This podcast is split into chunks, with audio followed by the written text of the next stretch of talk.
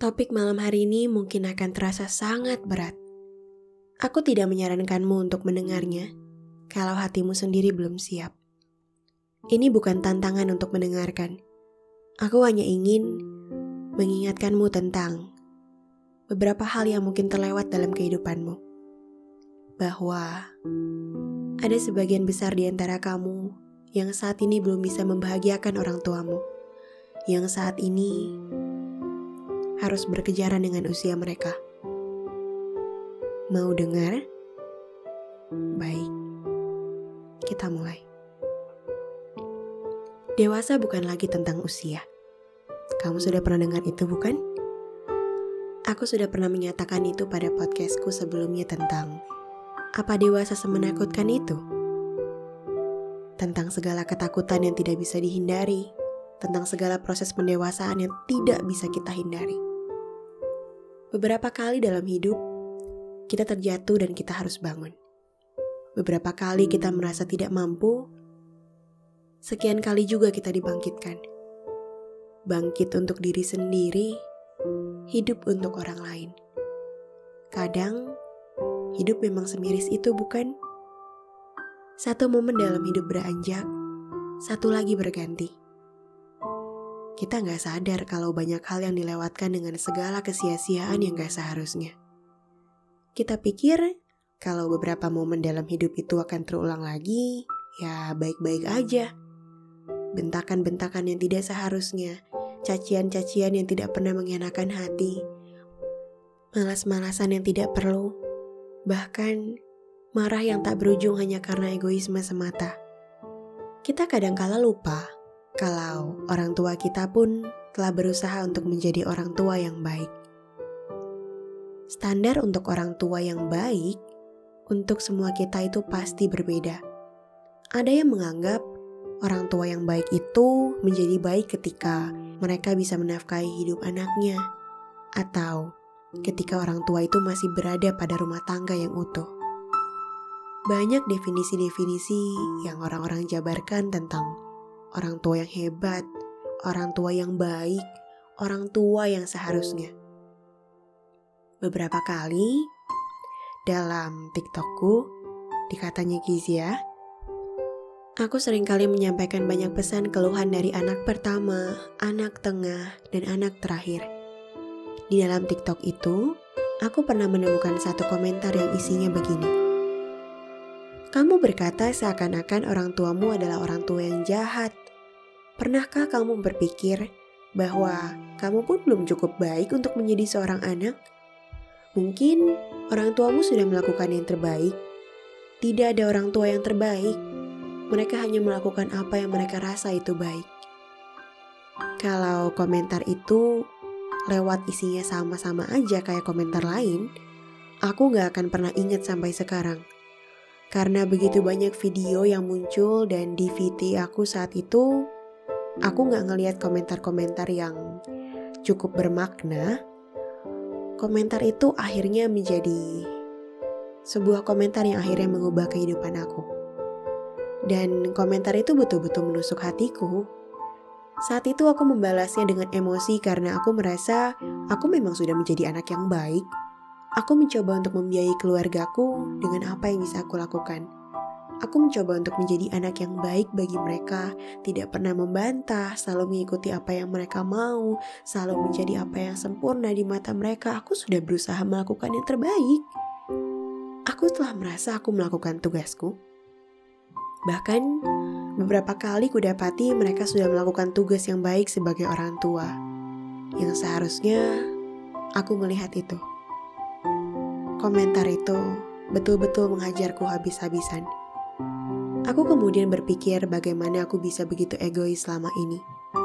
Seringkali aku mementingkan kepentinganku sendiri, menganggap bahwa seharusnya akulah yang harus dimengerti di keluarga ini.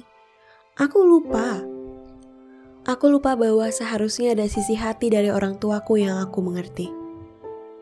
Pernah ada suatu cerita tentang seorang anak Mari kita namakan dia Warna.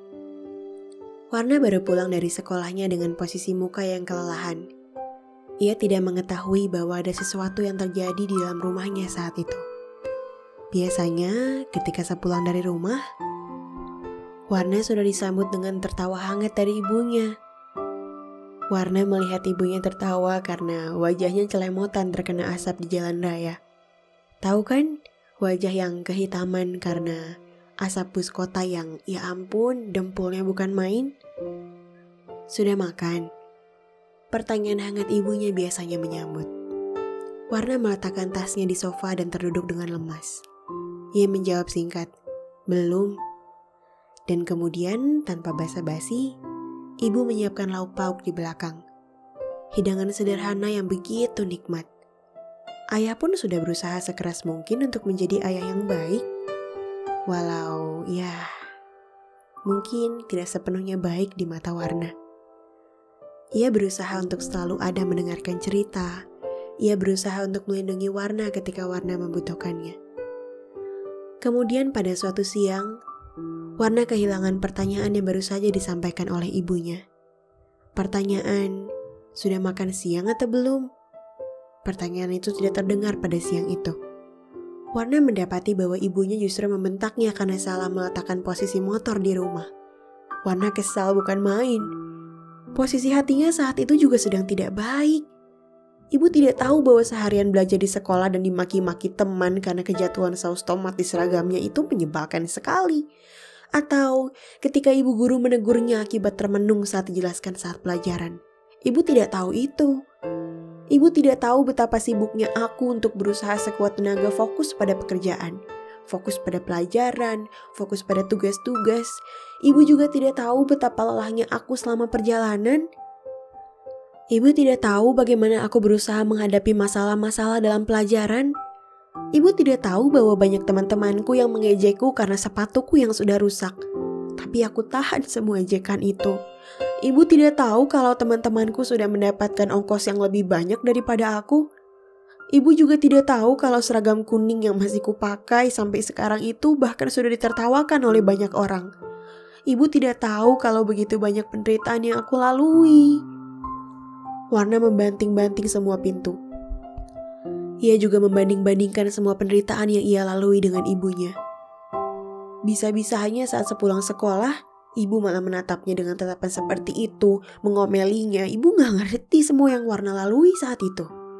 Dan dengan nada yang sangat ketus, dengan nada dan juga perasaan yang begitu emosi, Warna mengambil alih sepeda motornya, menjalankannya dengan emosi ke jalan raya.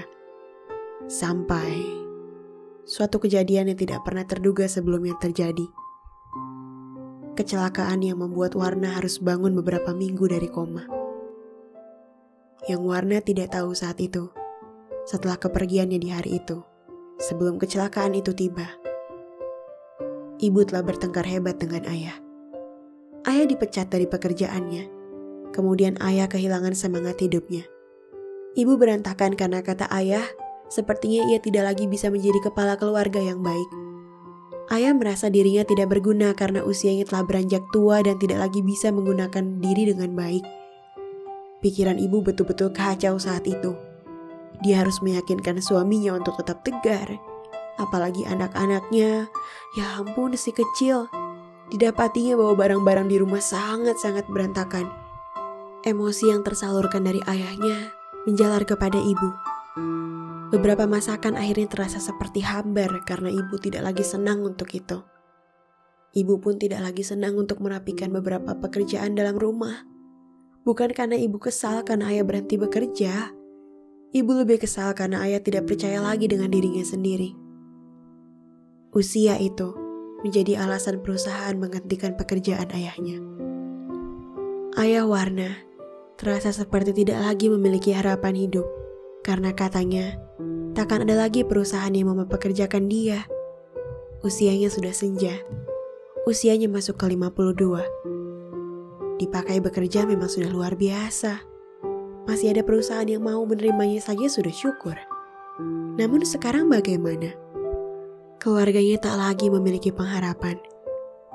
Warna benar-benar tidak tahu bahwa selama dua minggu dirinya berada di rumah sakit, Ayah dan ibunya kocar kacir mencari uang menutupi biaya rumah sakitnya. Wana benar-benar tidak tahu bahwa ia sudah tertinggal jauh dari penderitaan orang tuanya. Warna juga benar-benar tidak tahu bahwa orang tuanya menyimpan penderitaan yang tidak pernah dia ceritakan. Warna hanya tahu bahwa dirinya menderita sebagai pelajar. Warna hanya tahu bahwa dirinya tersiksa sebagai anak. Warna hanya tahu bahwa tidak ada yang bisa mengerti dirinya lagi selain dirinya sendiri. Warna menyalahkan orang tuanya selama berhari-hari, berbulan-bulan, dan akhirnya bertahun-tahun. Warna lupa Lupa kalau orang tuanya pun punya penderitaan yang tidak pernah mereka ceritakan. Sama seperti ia menahan beban yang tidak pernah ia ceritakan pada orang tuanya. Bangun dari tidur panjangnya itu, Warna diperhadapkan dengan ibu yang menunggunya dengan sayang. Ibu menggenggam tangannya dan tertidur di sebelah kanan. Dilihatnya raut wajah ibunya sudah menua. Keriput mulai memenuhi seluruh wajah ibunya yang begitu cantik. Beberapa uban mulai muncul di sekitar mahkotanya yang begitu indah. Rambut lurusnya sekarang sudah dihiasi oleh beberapa mahkota keputihan. Warna bertanya dalam hatinya. Sejak kapan ibu bertambah setua ini? Sejak kapan dia tidak melihat bahwa tangan ibunya tak lagi sekuat dulu? Sejak kapan ia menyadari bahwa tubuh ibunya semakin mengurus? Kemudian Warna mengalihkan pandangan ke sekeliling ruangan sempit itu. Didapatinya ayahnya sedang menggenggam koran di sebelah tangan. Warna mendapati ayahnya sedang mencari kolom lowongan pekerjaan. Ada beberapa lowongan pekerjaan yang telah dibulatkan dengan spidol. Tanpa sadar, alis sebelah kiri Warna terangkat. Kenapa mencari lowongan pekerjaan? Siapa yang mau bekerja? Pertanyaan itu bergulir dan akhirnya mendapatkan jawabannya ketika ia berangsur-angsur pulih ayahnya kehilangan pekerjaan karena usianya. Usia ya? Tentang apa ini?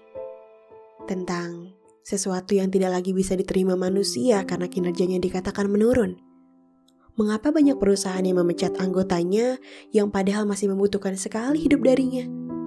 Mengapa banyak sekali perusahaan-perusahaan yang menutup mata untuk kebutuhan sehari-hari para pekerjanya? Mengapa perusahaan-perusahaan itu lebih mementingkan kepentingan orang-orang muda? Mengapa perusahaan itu sungguh jahat terhadap kami? Sebenarnya itu tidak jahat. Itu jawaban yang Warna dapatkan ketika ia mulai berangsur-angsur pulih dengan segera. Ia bertumbuh dengan cepat.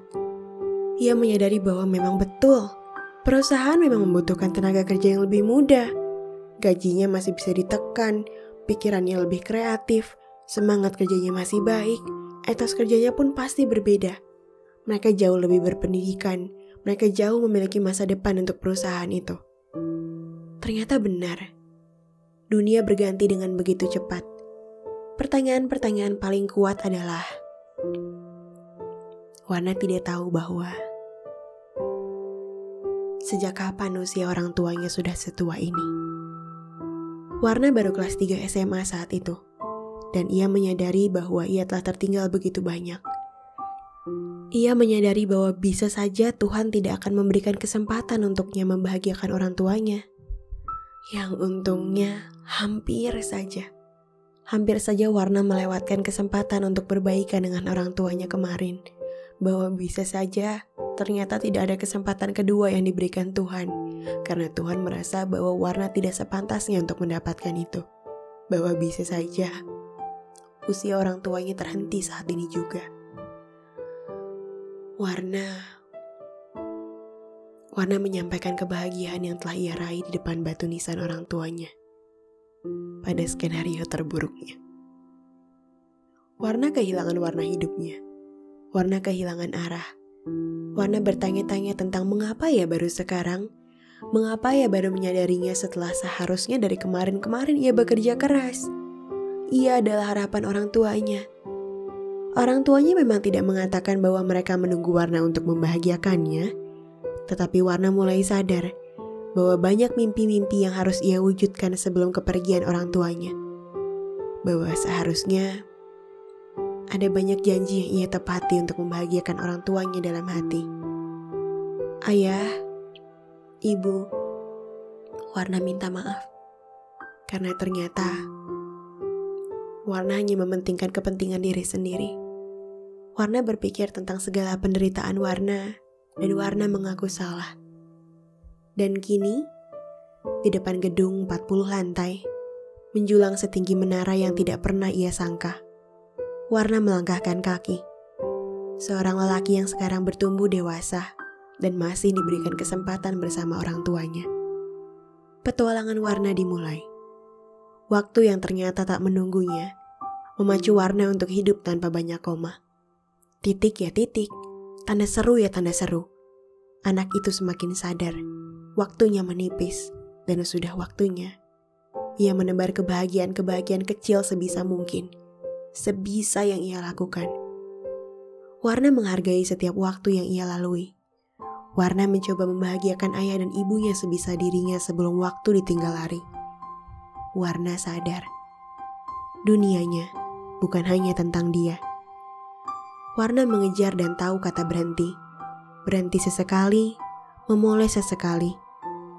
Ia membenahi semua kemampuannya, mencoba yang terbaik untuk memberikan yang terbaik. Setidaknya, di dunia ini, walau tak bisa memberi yang banyak, Warna bisa menjadi contoh bahagia yang hidup untuk kedua orang tuanya. Bila Warna sudah menyadarinya, sekarang giliranmu. Kapankah itu? Semoga segera. Semoga tiba. Salam sayang, langit biru. Podcast bersorak bahagia dengan segala ceritanya.